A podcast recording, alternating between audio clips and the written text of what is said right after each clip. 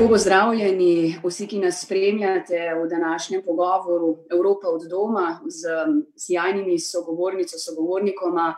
Ob dnevu zmage jutri tudi praznuje Evropa 70 let od podpisa znamenite Šumanove deklaracije, ki je postavila temelje sodobne Evropske unije. In očetje Evrope so nedvomno imeli neke vizionarske sanje. Zdaj, sedemdeset let po tem je, danes smo sredi pandemije, gotovo bodo izjemne socialne, gospodarske posledice. to je pandemija verjetno, ki je zelo sodobna zgodovina Evrope ne pomni in bodo spremembe. Ob tem se zdi, da se krhajo te temeljne evropske vrednote. Demokracija, vladavina prava, da, je predvsem na preizkušnji solidarnosti in, samo včeraj, če pogledamo Madžarsko, Poljsko, smo imeli novo provokacijo Orbana z objavo zemljevida velike Madžarske, veliko je samovoljnosti. tudi pandemija je sprožila neki, cunami sovraštva in ksenofobije in sprehodili se bomo skozi to zgodovino, tudi, Slovenijo v Evropski uniji in pogledali, kako naprej, so nam še dovoljene sanje in pozdravljam vse, sogovornike, Janez Potočnik, ekonomist, nekdanji minister za evropske zadeve, naš pogajalec ožje pogajalske skupine o postopanju Slovenije v Evropsko unijo in dvakratni komisar, dobrodošel. Marta Kos, naša aktualna veleposlanica v Švici, nekdanja direktorica Ukoma, zlasti v začetku pogajanj, ko se je odvila tudi sploh prva kampanja, o Evropski uniji, doma v Evropi, tudi zato posebej dobrodošla. In pa gospodarstvenica Božo Repe, zgodovinar in kolumnist, profesor na Filozofski fakulteti. Vsi dobrodošli. Pa bom začela kar, Marta, zdaj doma v Evropi, ne, takrat je bila to kampanja, danes se počutimo še vedno v tej Evropi varni, ko smo se pripravljali na ta pogovor, ko ste sprejeli povabilo, ste nekako rekli, vas boli, vas jezi, da živite v državi, ki noče biti članica Evropske unije, za nekatere je Evropska unija, za mnoge so to še sanje, ampak za Švico očitno ne.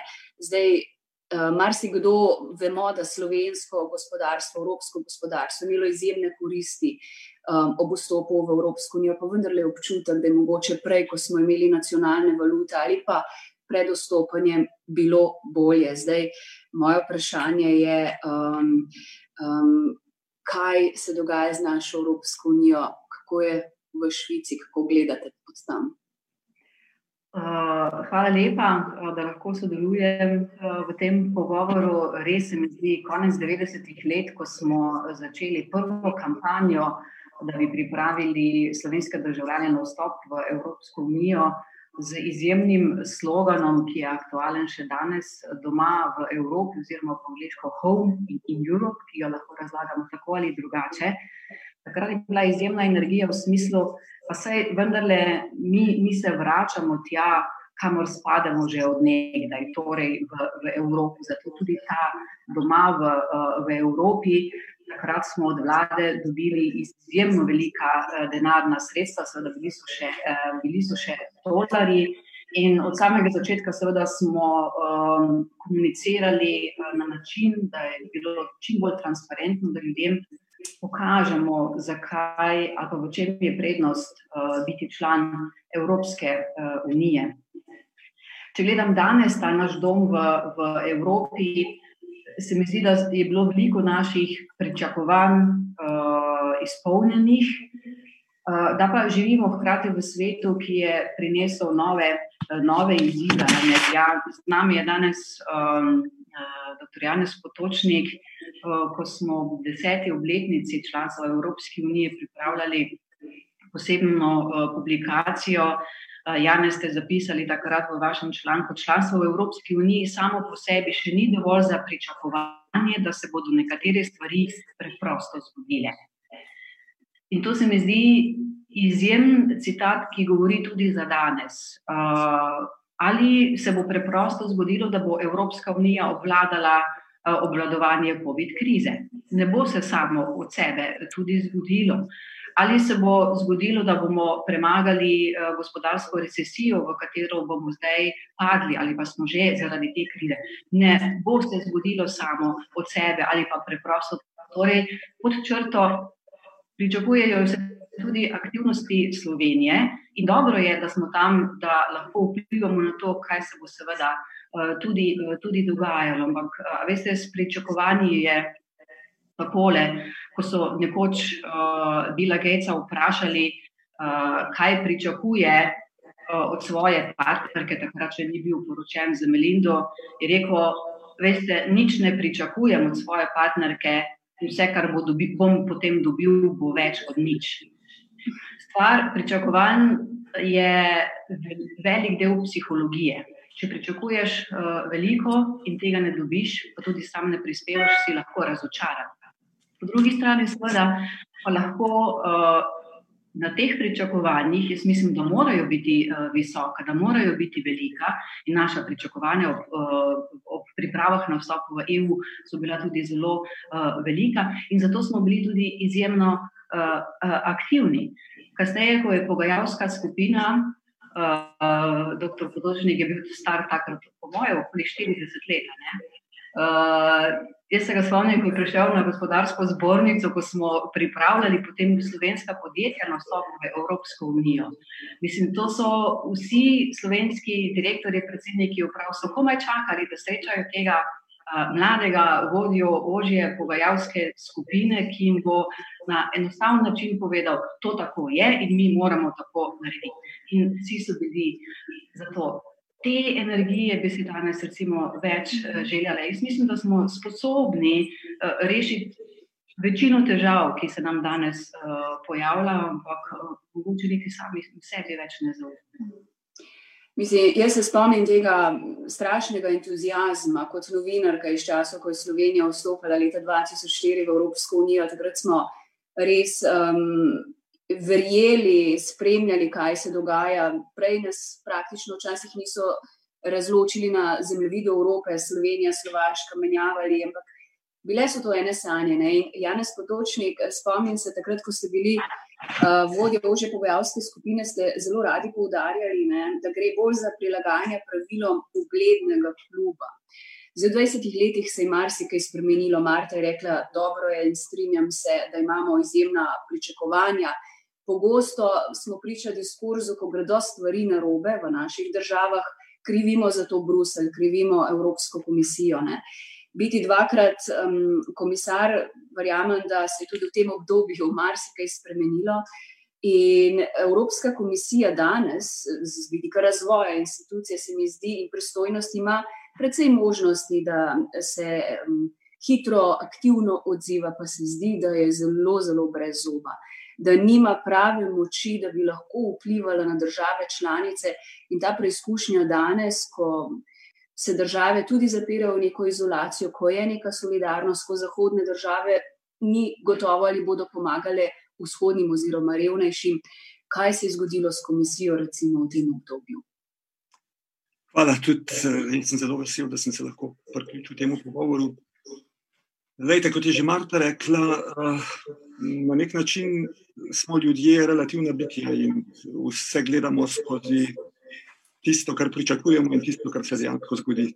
Da, um, mislim, da konec koncev razvoj, tako kot gre, pravzaprav gre v to smer, da kaže, da je še veliko bolj nujno uh, sodelovanje, kot je bilo v preteklosti. Številni izzivi, ki jih danes vidimo, ki so na mizi, so v bistvu dokaz za to, da na neki individualni ravni, tudi na nacionalni ravni, teh problemov preprosto ne moremo reševati.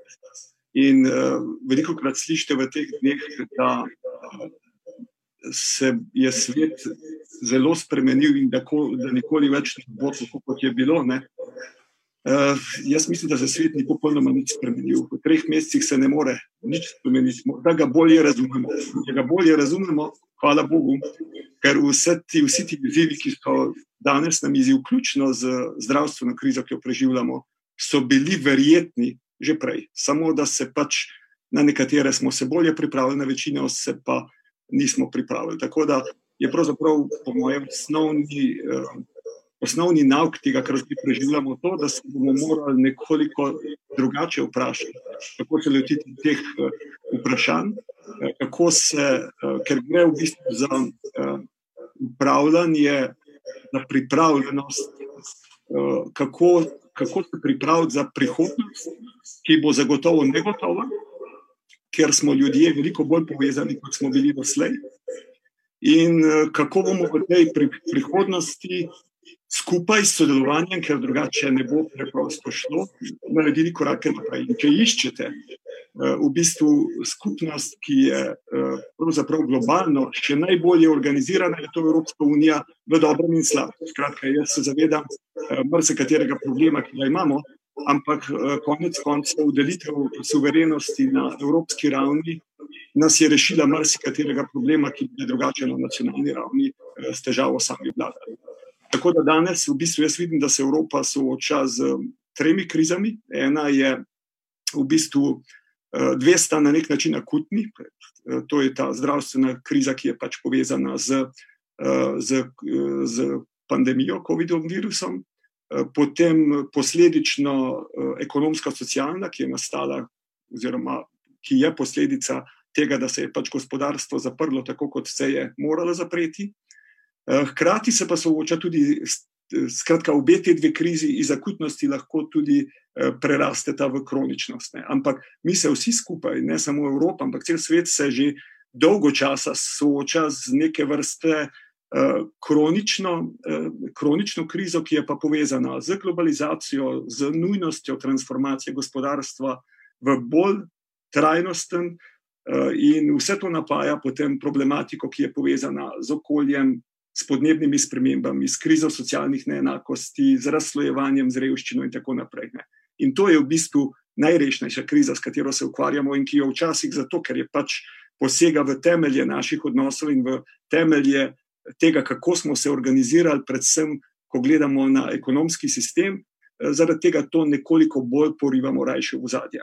Zdaj, ta Evropska komisija, jaz mislim, da je naredila izjemno pogumno dejanje z Evropskim zelenim načrtom, ker je konec koncev prevrednotila in predrugačila pogled na gospodarsko rast in kaj v bistvu je pomembno in kaj je manj pomembno, je pa seveda v tem, v tem trenutku pod resnim udarom, kljub temu, da, da zelo, zelo intimno, resno misli vse stvari premakniti v to smer, ker sem praktično dnevno povezan z ljudmi, ki na teh stvarih delajo.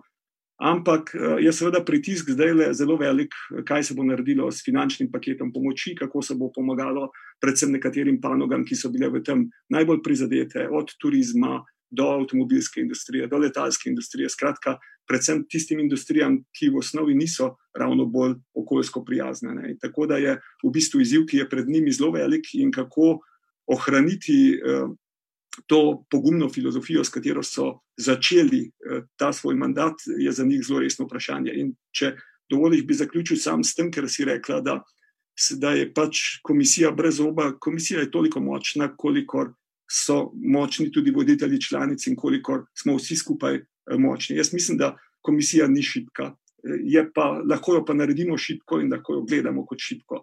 V času Barosa, ko sem bil jaz dvakrat član Evropske komisije in ko smo imeli motiv um, um, rast in delovna mesta, je bil naš ključni motiv oba mandata. Ne.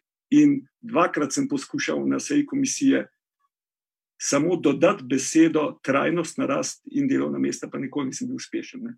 Toliko, da gre za premike v neko pravo smer, da gre za premike v smer razmišljanja da se je treba lotiti tudi sistemskih vprašanj, s katerimi se prej nismo želeli resno soočiti.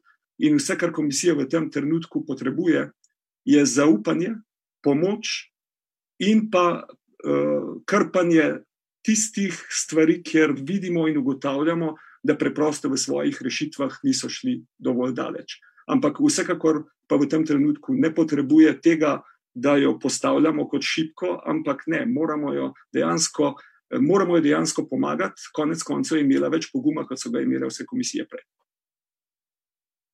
Strinjam se, um, da je Evropska komisija v resnici res tako močna, kot smo tudi mi močni, nekje um, ni mogoče vse pripisovati sami instituciji kot taki, absolutno ne.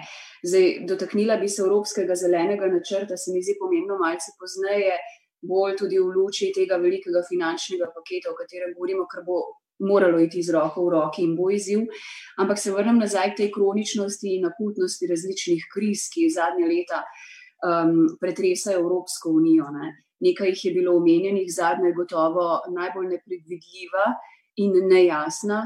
Um, ampak, če pogledamo zdaj, ko govorimo o koncu, ko je okupator kapituliral, kar priznuje tudi jutri Evropa, dan zmage, 70 let potem nastanka Evropske unije.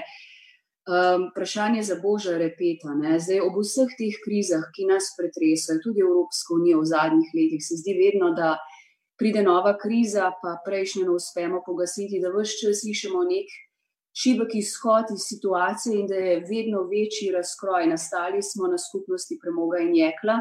Takrat smo vedeli, zakaj smo zgradili skupni enotni trg, zgradili skupno valuto.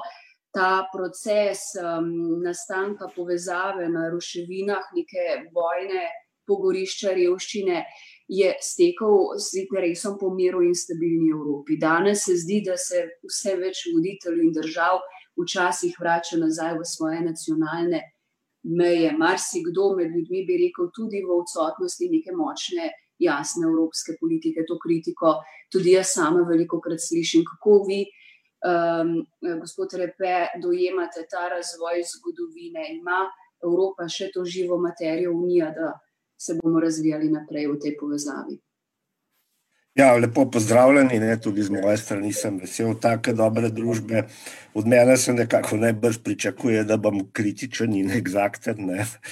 E, torej, e, krizam, ki so bile e, že povedane in, in s tem se strinjam, kar je dr. Potočnik naštel kot ključno, ne, bi jaz dodal še eno, iz katere pravzaprav vse skupaj izhaja, to je kriza identitete.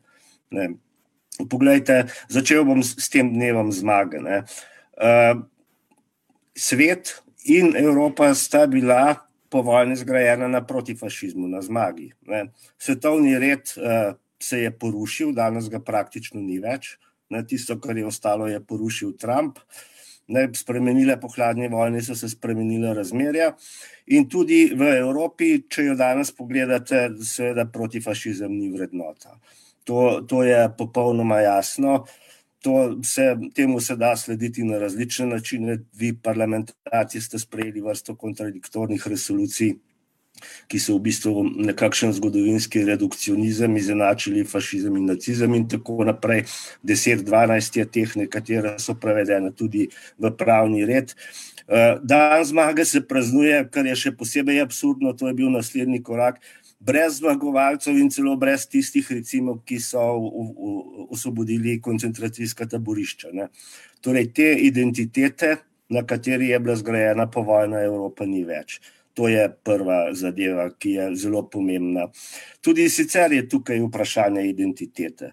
Ne. Vse to, o čemer smo do sedaj govorili, ne temelji na vrednotah, temelji na kapitalu, na prostem pretoku kapitala, na interesih kapitala. Ne, od, od teh treh ključnih besed, svoboda, mir, svoboda, solidarnost, v bistvu v Evropi funkcionira samo mir. Ne. In pravzaprav, če smo iskreni, to je bil tudi edini namen ustanovitve eh, tedanje Evrope. Ne. Torej, to, kar se dogaja danes, je točno to, kar, želi, kar so želeli ZDA in Velika Britanija. Torej, neka šipka, eh, razcepljena Evropa, nad katero se da dominirati, ampak seveda Evropa, ki bo zagotavljala mir. Na, in tega zaenkrat še. Kaj je bilo solidarnosti, smo videli v primeru Grčije. Ne? In mislim, da se bo ta situacija po tej krizi ponovila, samo da bodo tukaj zdaj v igri mnogo večje države, kot je Španija, kot je Italija, na kar bo to krizo najbrž res pripeljalo na rob obstoja. Morda se spomnite prizorov, kako je prišla kitajska pomoč v Avinjanu. Tam je človek, ki dela v Avinjanu, zamenjal evropsko zastavo za kitajsko zastavo. Ne, to je sicer simbolično, ampak kaže na procese, v katere gre sedaj pač ta Evropska unija. Ne. Torej, solidarnosti je zelo malo ali nič. Če se bo izkazala v tej koroni krizi, bomo eh, seveda lahko zelo veseli. Drugo je vprašanje, je vprašanje eh, temeljnih demokratičnih pravic, pravic nas državljanov. Jaz se ne bi strinjal s tem, da je tukaj neko, bom rekel, solidno, vsaj solidno uravnoteženje med nacionalnimi interesi in med centrom. Ne. Tega, tega v resnici ni. Ne. Če bi to hoteli imeti, bi morali imeti dvodomni sistem, pa še kaj drugega, ne, neposreden vpliv na možnosti izbora izvršilne oblasti, in tako naprej. In tako naprej. Temu se je Evropa odrekla, že s tem, ko se je odrekla ustavi. Ne. Torej, pa tudi kot državljani ali državljanke smo v zelo različnih položajih, kar je seveda posledica tega, da je ta Evropa nastajala v nekih procesih in so v njo vstopali ljudje oziroma država na različni stopni pravic. Torej, mi smo nekako tako, kot je bil včasih britanski Commonwealth, z različnim, formalno enakopravnim, ampak z različnim statusom. Ne, sej vaju lahko kar tako izzovem. Ne, se vam zdi, da smo evropejci ali da ste evropejke enakopravne, če imate vidve pravico do splava, vaše polske kolegice ali malteške ali kakšne druge so pa lahko zaprte zaradi tega. Torej, ta, to pomeni, da ta Evropa ne temeli na enakih vrednotah in to sedaj ni vprašanje nekih lokalnih posebnosti ali navad. Ne. To je vprašanje temeljnih državljanskih pravic, ki se ne uresničujejo. Je, res je, da te temeljne vrednote, ki smo postavili, se zdi, da jih zmer več držav ali pa vladajočih elit začenja kršiti, nekaj je bilo omenjenih. Jaz se tukaj strinjam, da je ta kriza identitete gotovo um, zelo močna v Evropski uniji in se je tudi skozi zadnje leta krepila z zadnjimi širitvami, še bolj so jo poglabljali tudi že omenjene in um, migranska, okoljska kriza in tako naprej. Zdaj, Marta, je mogoče um, unija na teh ruševinah nastala preveč kot ekonomski model, je še vedno doživlja unijo kot enega izmed vrhuncev multilateralizma, ampak kot vidimo, se pa ta moč unije na mednarodnem svetovnem prizorišču močno šibi, umenjena je bila Kitajska. Ne. Ni treba pogledati daleč stran od nas, tudi v Srbiji je predsednik Vučić. Zdaj, predpreden je prišla eh, znatna evropska pomoč, obešal raje kitajske eh, prospekte eh, po mestu. Ampak zdaj, a je sploh sposobnost Evropske unije, da tukaj prevzamemo še bolj neko vodilno vlogo ali pa štafeto multilateralizma, mogoče tudi v nekih diplomatskih odnosih. Uh, omenili ste, Tanja, ja, da v bistvu je se bolj razvijala Evropska unija kot uh, ekonomska uh, unija, ampak po drugi svetovni vojni uh, v prvi fazi sploh ne bi bilo možno drugače. Takrat ustvarjati politično unijo uh, seveda ni, ni šlo in se mi zdi, da veliko krat me, me vprašajo tudi, če menim, recimo, da je prišlo do ene generacijske, uh, da je kriza EU tudi neke vrste uh, generacijska kriza, pa bi lahko rekli ne po nemško jajn. Ja, predvsem zaradi tega, ker je mnogo ljudi, ki so pozabili, ne, zakaj je Evropska unija sploh nastala, oziroma zakaj je takšna, kot je, in ne zaradi tega, ker. Uh, prav ta generacija, ki je mogoče pozabila, najbolj uživa rezultate te, uh, te integracije. Mene moti, ko pravijo, ne, da je eden od rezultatov uh, Evropske unije ta, da v Evropi po drugi svetovni vojni uh, ni bilo več vojne. To je laž. Bila je vojna in to v nas, naši soseščini, res, da ni bila v EU, ampak v Evropi je pa bila. In zato se mi zdi danes da enostavno Evropska unija ne more biti pripravljena na vse, kar se, uh, kar se dogaja. Uh, notranje in zunanje razmere se izjemno spreminjajo in tem spremembam težko sledijo celo države, kaj šele Evropska unija, kjer so procesi odločanja bistveno bolj kompleksni, uh, dolgotrajni in pa tudi zapleteni. Spomnimo se uh, migracijske krize, konec leta 2015 in kasneje. Evropska unija ni bila pripravljena in še danes ni pripravljena. In seveda kritika je lahko tudi na račun Evropske unije. Presneto od 2015 se nam to dogaja, zakaj danes smo 2020, tega še nismo uspeli, uh, uspeli rešiti. Ampak danes je svet uh, postavljen na nek način uh, na glavo. Uh, individualizmi, nacionalizmi, uh, protekcionizmi, uh, vse, to se, vse to se krepi. Je pa zdaj vprašanje, seveda, uh, ali smemo zameriti državam, ki recimo so zdaj eden od tipičnih primerov nezapiranja meja ob uh, koronavirusu, ki se je dogajalo neusklajeno znotraj Evropske unije. Upam, da bomo zdaj zmogli in da bomo meje odpirali, kolikor se bo dalo uh, usklajeno. Čeprav so že tendence, da se to ne bo zgodilo, ker imajo pač države različne, spet drugačne, uh, drugačne interese. Uh, tudi Evropska unija je organizem, ki se razvija, uh, razvija naprej. Za vse nimamo, uh, nimamo odgovora, Um, mogoče bo eden od današnjih sogovornikov spoznal naslednji citat. Marsikaj, česar smo se bali, se ni zgodilo, zato pa se je zgodilo marsikaj, česar nismo pričakovali, na kar tudi nismo bili ustrezno pripravljeni. Dr. Potočnik, uh, njegov uh, citat pomeni, kako odreagirati na stvari, nekatere nismo pripravljeni, oziroma tudi ne moremo, uh, ne moremo biti pripravljeni in ob tem spoštovati evropske uh, vrednote. Eh, ni samo umevno, da je eh, Evropska unija v prvem koncentričnem krogu zonanje politične strategije Republike Slovenije. Ni samo umevno, da je EU na vrhu parlamentarne slovenske deklaracije o, o, o, o eh, zonanji politiki. In se mi zdi, mogoče jemljemo to Evropsko unijo preveč samoumevno. Um, Tudi, recimo, glede širitve 2004, 1. Eh, maja smo praznovali 16. obletnico članstva. Še marsikaj zdaj, kdaj, zdaj slišimo uh, kritike na račun, da je bila uh, prevelika širitev. Mi ne vemo, kaj bi bilo, če te velike širitve v letu 2004 uh, ne bi bilo, ampak lahko pa vidimo, ne, kako pouč, poučna je usoda Ukrajine, katere zahodni del je bil v času paca Berlinskega zidu bolj razvit kot pa Poljska in kakšne so razlike danes. Ali ko je Slovenija vstopila v Evropsko unijo, so obstajali uh, izračuni, raziskave, po kateri sta bili Slovenija in pa Makedonija najbolj takrat, ob razpadu Jugoslavije, pripravljeni za članstvo v, v Evropski, uh, Evropski uniji. Ena od teh dveh držav je to dosegla 2004. leta, za drugo vemo, da bo še kar nekaj časa. Čakalo, da bo to, da bo to dosegla.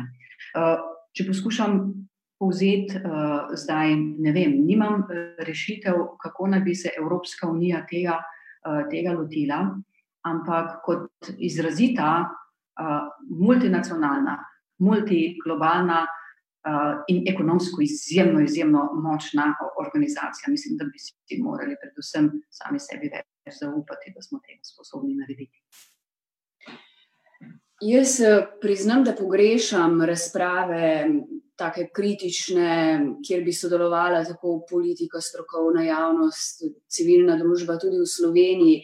Um, kritične razprave, ampak tudi pozitivne, da bi se spomnili, kaj vse nam je prinesla Evropska unija. Veliko odsotnost je, ni, če sem iskrena, ravno privlačno govoriti o Evropi, marsikdo se tega izogiba. Zdaj, omenila ste, Marta, koliko je bila Evropska unija pripravljena na migransko krizo. Jaz mislim, da največji izziv te migranske krize je bil v resnici um, ta diskurs, um, ko smo vzpostavili nek strah pred tujci, odsotnost neke razprave, kaj to pomeni. Veliko je bilo manipulacije, laži, napačnih informacij. In v takem nezdravem okolju je bilo težko najti neke skupne rešitve, in do danes nimamo res skupne emigranske in azilne politike.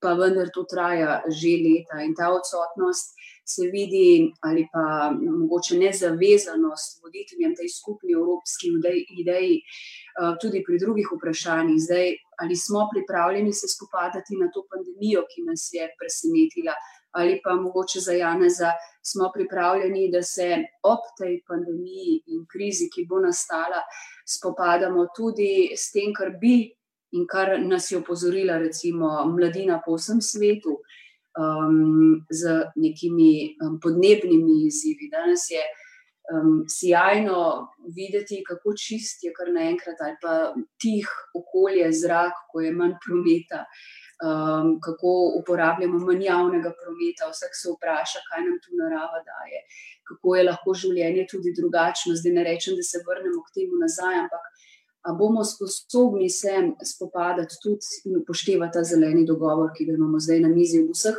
finančnih paketih, ki jih bomo morali investirati v blažitev socialnih posledic ekonomske krize.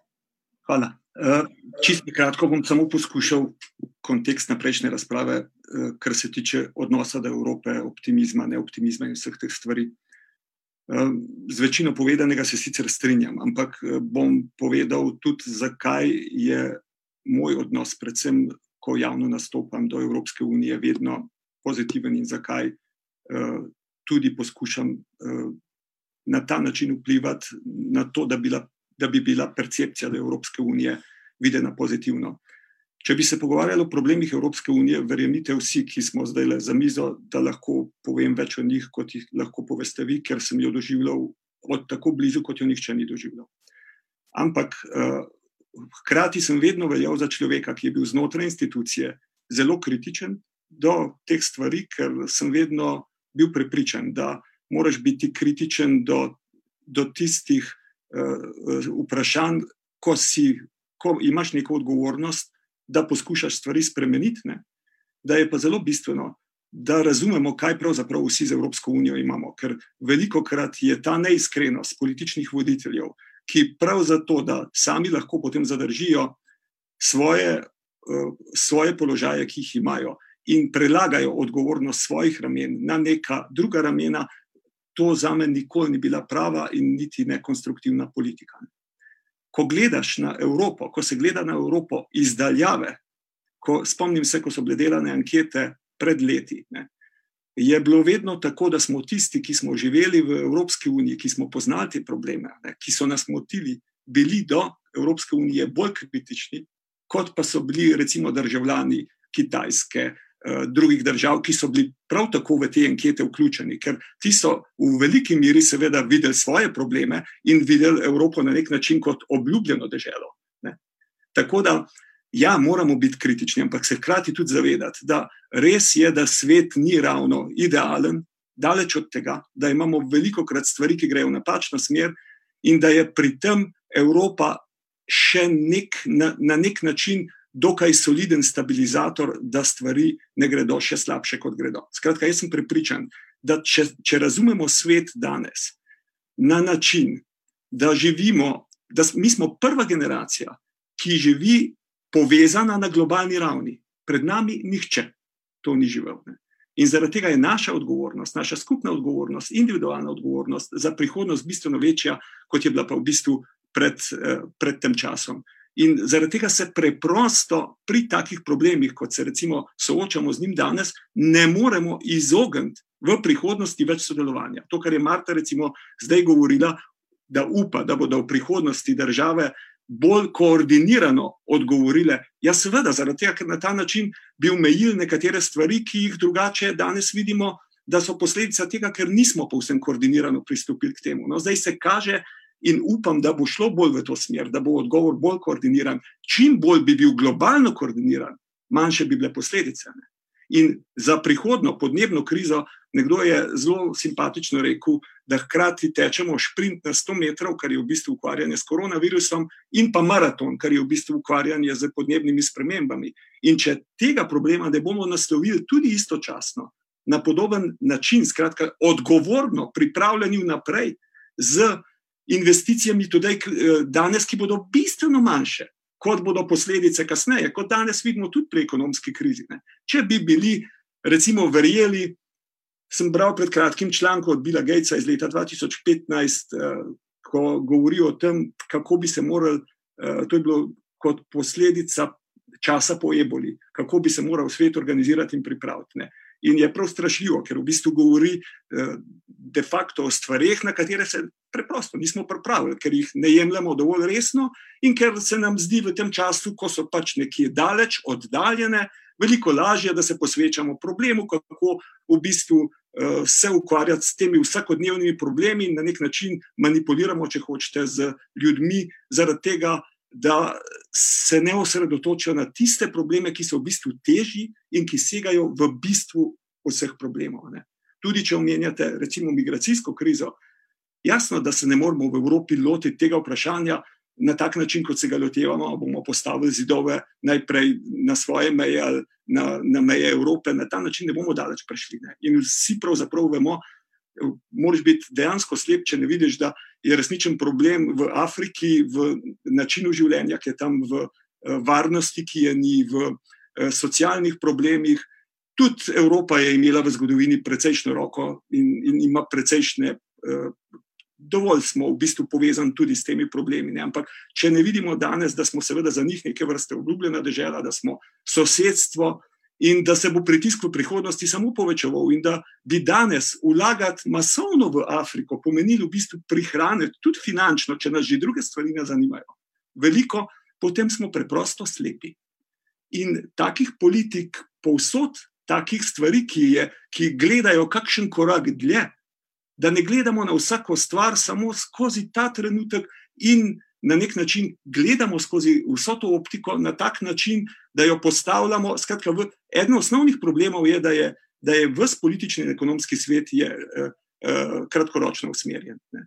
Medtem ko so pa problemi, s katerimi se ukvarjamo, vključno s to pandemijo danes, pa žal se ne dajo rešiti kratkoročno. Ne. Se rešijo lahko, oziroma bolje rečeno, se pripravimo na nje, če bomo drugače postavili sistem, drugače, drugačen ekonomski sistem naredili. Ne. Ker uh, ena od, od osnovnih stvari, s katero je tudi ta Evropski zeleni načrt, če zaključim s tem, je zavedanje tega, kak, kakšno je pravzaprav. Kakšno je pravzaprav gospodarstvo, ki smo ga zgradili? Ne? Mogoče ga je najboljše opisati z um, indeksom blagostanja, Wealth Inclusive Index. To je, uh, so Združeni narodi objavili kot uh, 2018, dve leti nazaj in v bistvu tam delijo, to je malo drugače kot bruto domači proizvod, ker vključuje poleg produkcijskega kapitala, ki je v bistvu sestavina bolj ali manj bruto domačega proizvoda in se tudi giblje tako kot bruto domači proizvod, še uh, potem um, delovni kapital, skratka delo, um, in pa uh, naravni kapital.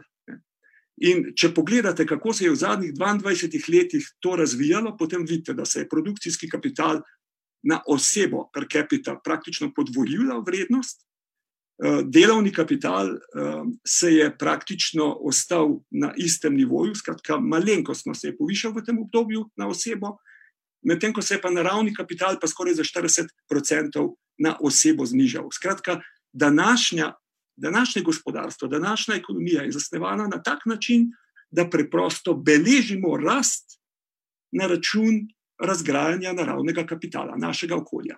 In to je osnovno vodilo praktično za vse, ker vsi govorimo o bruto domačem proizvodu, več je bolje. In če to povzroča tudi negativne učinke, stranske, pač to nekako spregledamo, ker nam to ustreza tako da profite lepo privatiziramo, eh, medtem ko stroške pa lepo podruži, eh, socializiramo. Skratka, jih plačuje družba, oziroma jih plačujemo vsi skupaj. In dokler smo pripravljeni živeti v takem sistemu, in za me je bil pač ta Evropski zeleni načrt prvi resni poskus ukvarjanja s tem vprašanjem, ker vsi resni ljudje danes vidijo, da se spremembe globalno zgodijo predvsem zaradi tega, ker je zaradi načina našega odnosa do okolja, do socialnih vprašanj prišlo do to vrstne poglobitve v ekonomskem sistemu, ki, brez, ki nas brez spremembe pelje v smer, ki bi jo najboljše označili uh, z enim stavkom, da ne bomo dosegli cilja, če hodimo hitreje, če hodimo v napačno smer. In to je zelo podobno, kar je nek sinonim za bruto domači proizvod. In dokler je vse naše življenje vezano okrog tega, mislim, da bomo imeli problem. Ne? In koristi od članstva, tako kot jih vsakdo gleda, če dokler jih bomo gledali izključno skozi finančne transfere in prilive, in to gledajo vse države, vključno Slovenijo.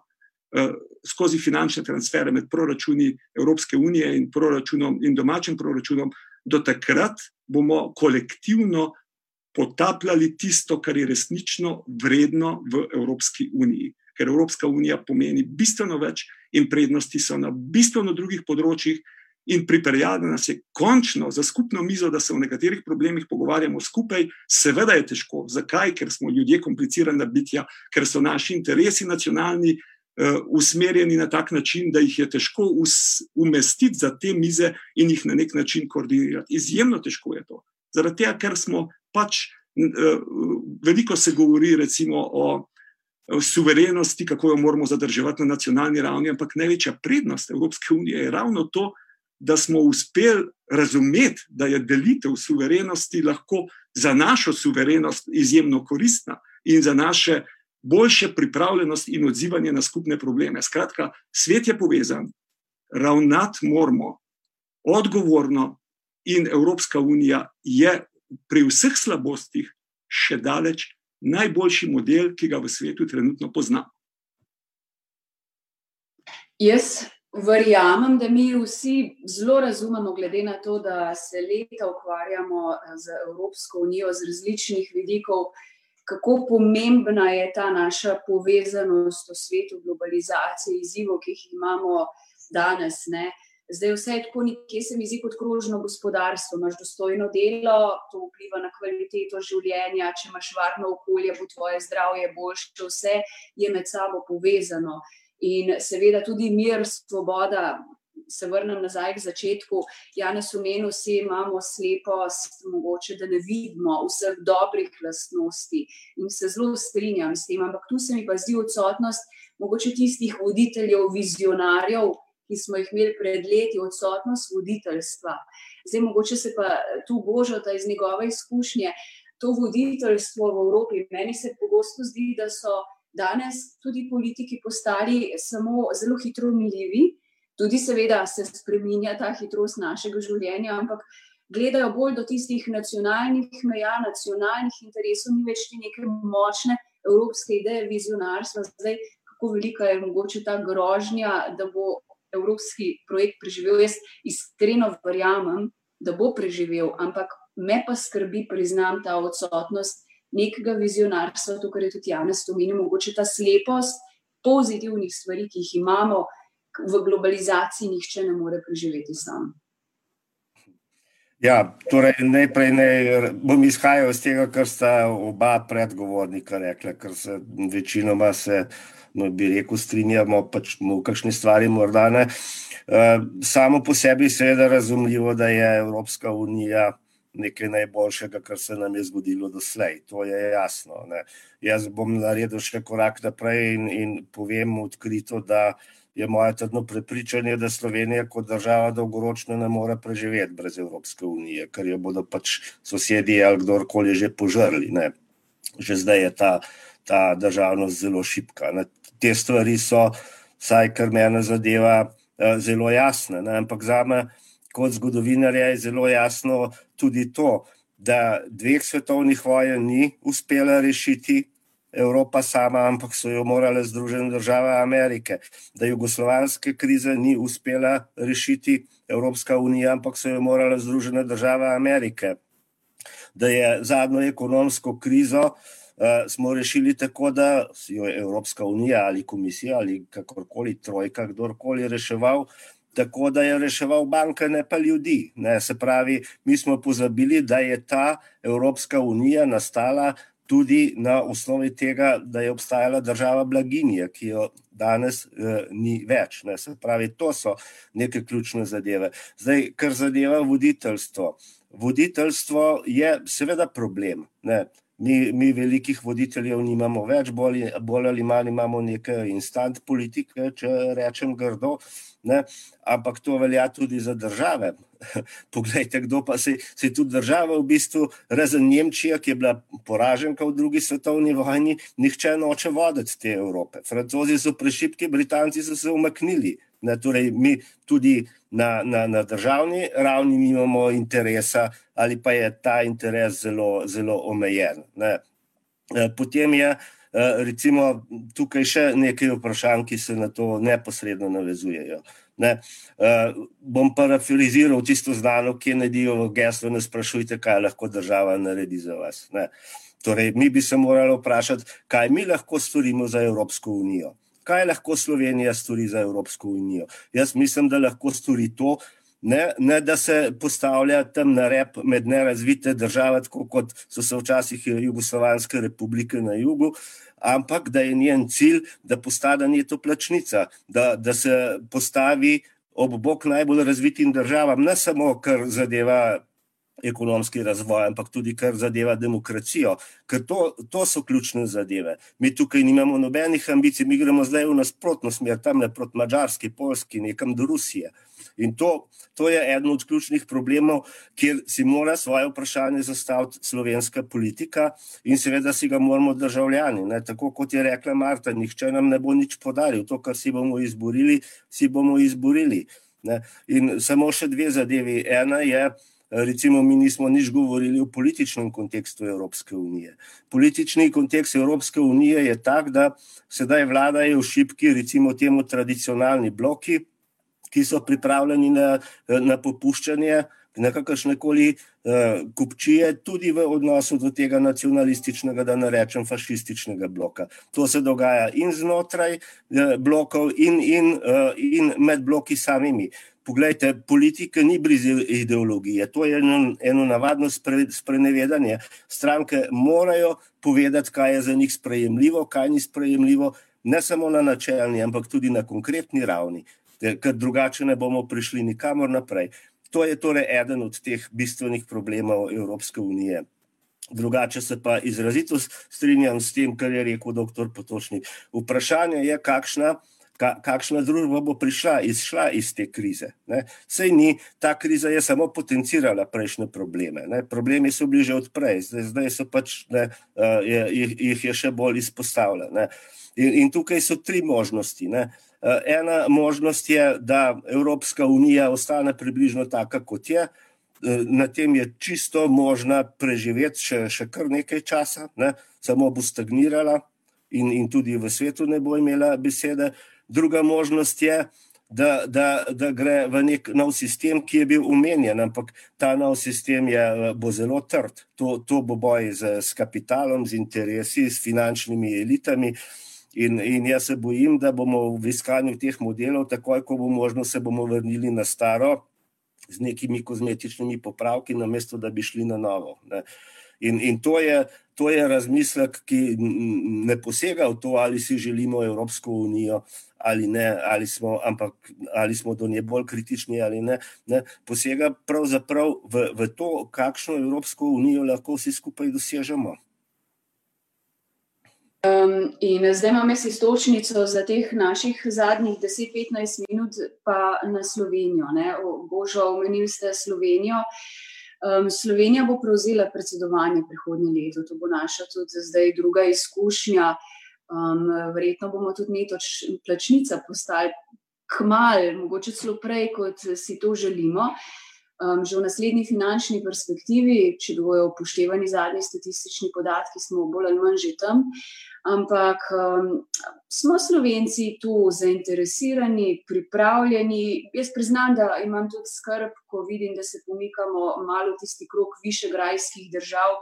Tam imamo Mačarsko, Polsko, proti katerima je sprožen člen sedem zaradi kršitve nekih temeljnih vrednot Evropske unije, kjer imamo skrb, kaj se dogaja z sodstvom, demokracijo, svobodo medijem, nevladnimi organizacijami, pritiski in tako dalje.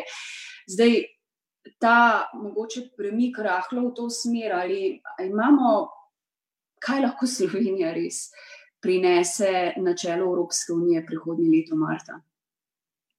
Mi se že pripravljamo na. Če smo pripravljeni, vse pripravljamo, jaz tudi te razprave priznam, da pogrešam. Uh, se že pripravljamo uh, skupaj s Trojko, z Nemčijo in uh, Portugalsko. Uh, bi pa tako rekla, to je bilo obdobje do začetka uh, korone, ki je tudi to področje postavila na glavo, in verjetno bomo morali marsikaj uh, spremeniti. Ampak mislim, da.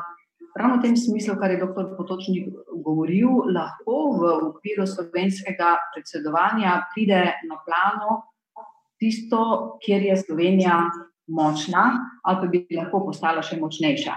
Govorim o krožnem gospodarstvu, izjemno sem vesela, da je to del našega programa. Govorim o umetni inteligenci.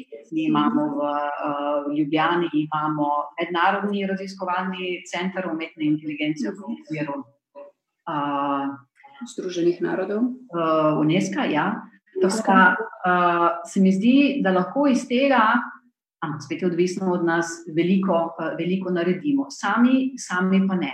Eh, povedal bom, recimo, na primer, mi smo se z veleposlaniki Portugalske in Nemčije tukaj v Bernu, Švica pač ni članica EU-ja, dogovorili, da bomo uh, skupaj predstavljali naše prioritete predsedovanja, skupaj vsi trije, zdaj že v času pred začetkom nemškega predsedovanja, pred začetkom portugalskega in potem slovenskega, na način, da bomo vsi trije hodili skupaj na sestanke k švicarskim institucijam.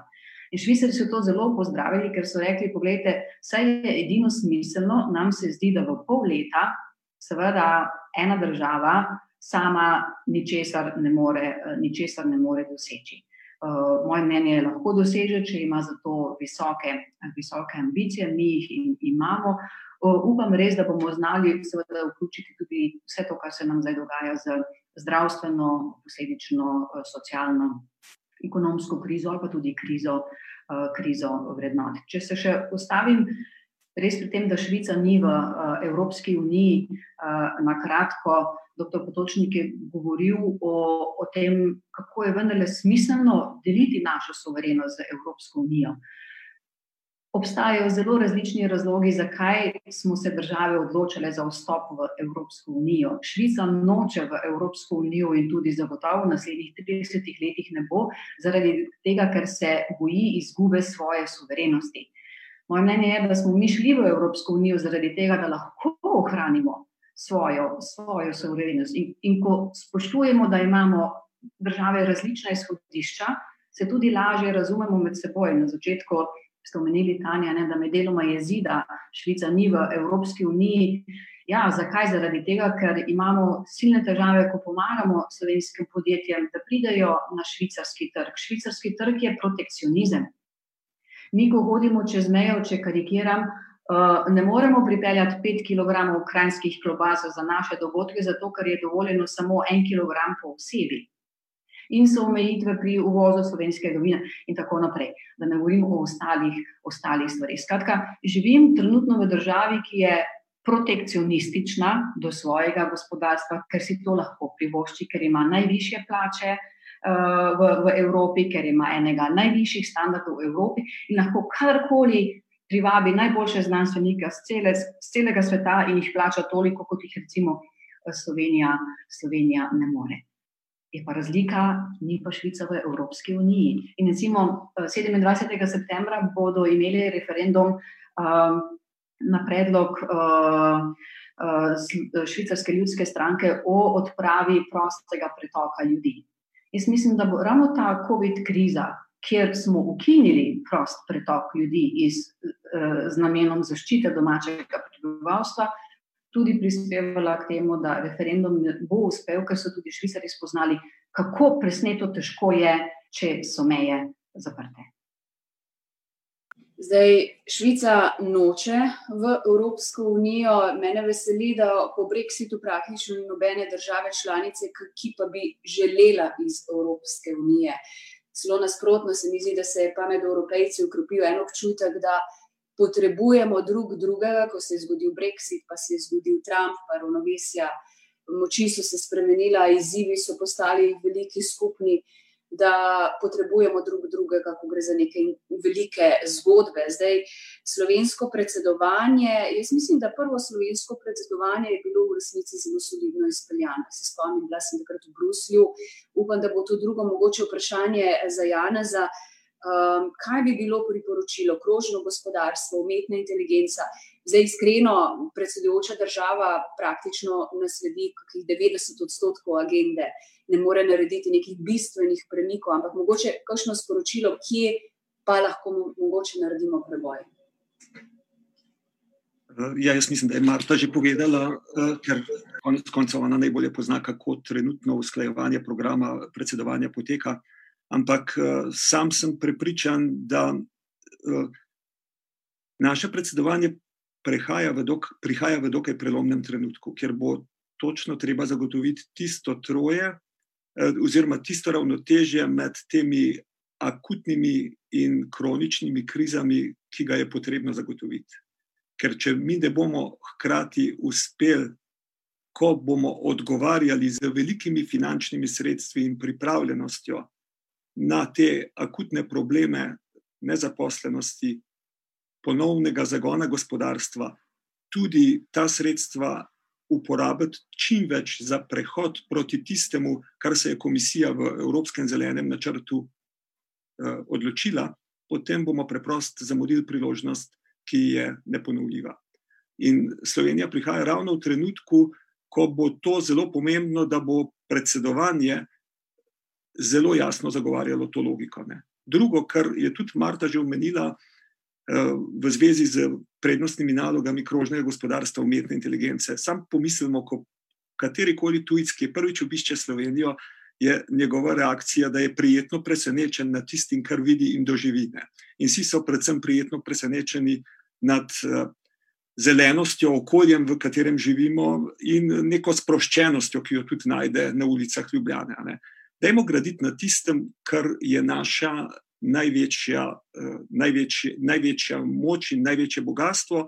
Bodimo konsistentni, če hočete, sami s seboj, in na ta način smo pravzaprav dosledni tudi v tistih vprašanjih, s katerimi se danes svet in Evropa ukvarja. Ne. Tako da, če bi se uspeli poenotiti okrog tega, in kolikor sledim uh, temu, kako vlada razmišlja, razmišljajo točno v tej smeri, potem bi bilo to zelo dobro. Jaz sem že rekel, da sem pripravljen v tem pomagati, kolikor je pač mogoče, ker sem upet v vse te mednarodne tokove danes, morda bolj kot kdorkoli.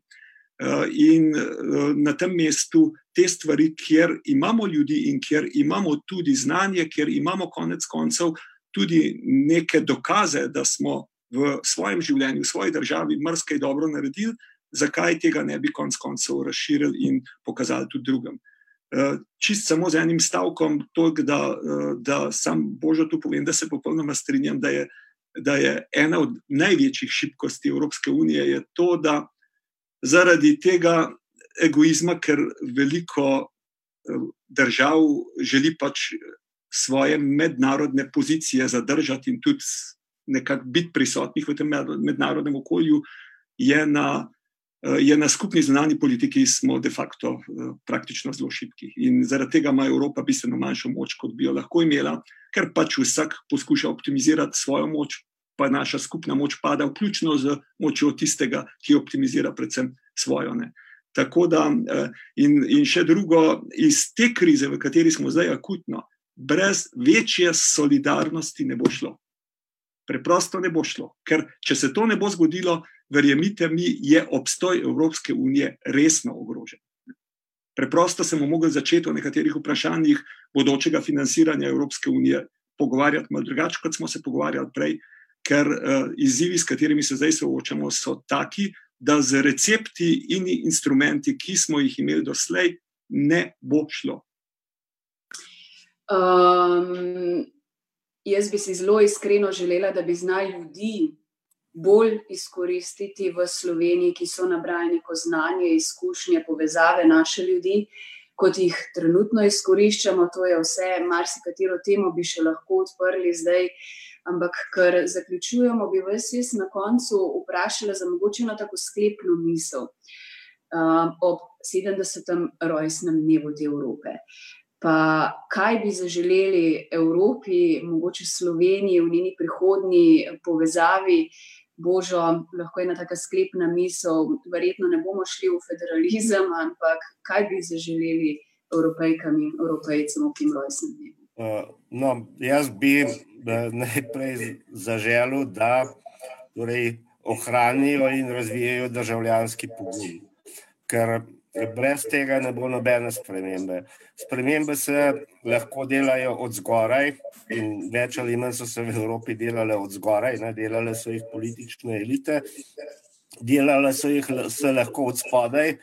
Kar je težko, kar si je treba izboriti, pač neko pozicijo v vsaki državi posebej, in ti procesi običajno niso sinhronizirani, ampak optimalno pa lahko do rezultatov pridemo, do tega, o čemer je govoril Janes, samo tako, da se združi sinergija od spodaj in od zgoraj. No, in kar zadeva Slovenijo, si jaz želim. Tudi pri tem predsedovanju, da bo to slovenski projekt, ne? ampak žal se bojim, da bo to projekt ene koalicije in ene stranke. Ne? Ampak ne bi zdaj želel končati s strankarsko politiko.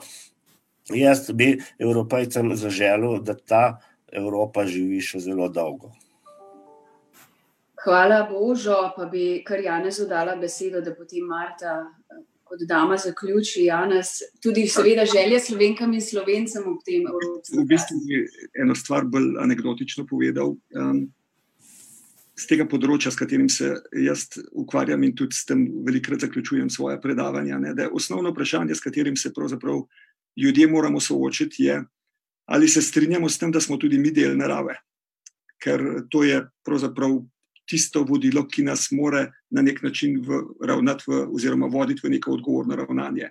In Herkul Poirot, ki je mimo grede najbolj znana belgijska osebnost, glede na to, da so oba veliko v Belgiji, je nekoč na vprašanje odgovoril zelo zanimivo. Vprašal so ga pa, zakaj vedno o sebi govori v tretji osebi.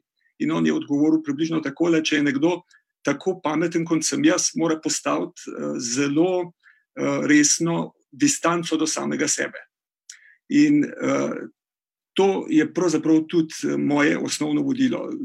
Glede na to, da se počutimo ljudje kot eh, superiorna bitja, če želimo živeti v svetu, ki bo na nek način odgovoren in katerem bomo lahko skupaj uživali, da imamo postaviti neko distanco do sebe. In jaz sem prepričan, da je ključni odgovor Evrope v tem trenutku, glede na to, da smo mlado generacijo, kar precej zadolžili v socialnem in v okoljskem smislu, to, da gremo v smeri neke medgeneracijske pogodbe, nekega dogovora med to in prihodno generacijo, da bomo skupaj na uravnotežen način reševali te probleme. In taka medgeneracijska pogodba bi bila tudi pravo sporočilo vseh tistih, ki so danes, eh, tisti, ki lahko odločajo, ki odločajo o politikah, da razumejo, kaj, v kakšnem stanju danes smo in kako pravzaprav angažirati vse tiste, ki včasih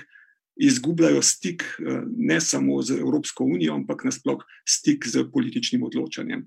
Tako da eh, za, za vse v Evropi pa ne čakajte na. Ne, ne, bodi, ne čakajte na to, da vam bo nekdo uh, da bo nekdo vodja, ki vas bo vodil, bodite voditelji na svojem področju, bodite aktivni in prispevajte k temu, da bomo vsi skupaj eh, lahko naredili tisto, kar si želimo.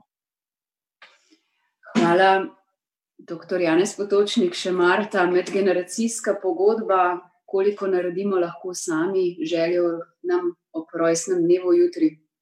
Jo takoj podpišem to generacijsko uh, pogodbo, čeprav se mi zdi, da spadam že v tisti drugi del uh, uh, generacije. Uh, draga Evropa, ob 70. rojstnem dnevu ti želim najprej zdravja, brez virusov. Uh, želim, da bi znali vse tehnologije, ki jih pred 70 leti nismo imeli, pa jih danes imamo na razpolago, izkoristimo za to, da bomo uh, živeli bolj v skladu z, z naravo, manj v uh, iskanju poti za uh, povečevanje bruto domačega uh, proizvoda. Predvsem pa Evropi, pa nam, Evropejcem, ampak Evropi želim, da nam, posameznim nacionalnim državam, pomaga, da bomo boljši, Jaz mislim, da je to lahko veliko odnesemo od tega in da bomo lahko potem več uh, vračali Evropi, uh, Evropi uh, nazaj. Um, želim si pa tudi, da postane Evropa tako kot smo začeli konec 90-ih let, ali ostane, ali pa še bolj naš, naš dom, kar pomeni, da jo bomo imeli radi, se z njo, se z njo ukvarjali, iskali dobro, dobro v njej. In uh, predvsem si želim sebi ob uh, 70-letnici uh, Evrope, da jo bomo še dolgo uh, živeli na ta način in pa imeli sposobnost uh, sooblikovati. Hvala lepa vsem um, za tole uro, um, vseh misli, pogovora. Zdaj, če zaključim, tako kot smo začeli in imeli naslov tega pogovora, sanje so nam še dovoljene z vprašanjem. Jaz bi rekla, so nam dovoljene, upam, da bodo postale tudi tisti večji del resničnosti. Vsi želimo, da Evropa obstane, da bo močna, da bo povezana za Slovenijo, za celotno celino. Jaz nam vsem in vsem, ki ste nas spremljali, želim veliko zdravja, veliko pozitivne energije, solidarnosti, pomoči in pa predvsem, da spoštujemo drug drugega, se poslušamo in skušamo na vsem tem, kar smo zdaj povedali, um, graditi um, naprej. Tako da hvala vam še enkrat. Lep praznični vikend, želim vam, gostje, in pa seveda vsem ostalim, um, vse najboljše, draga Evropa, vse najboljše tudi ob dnevu zmage. Srečno.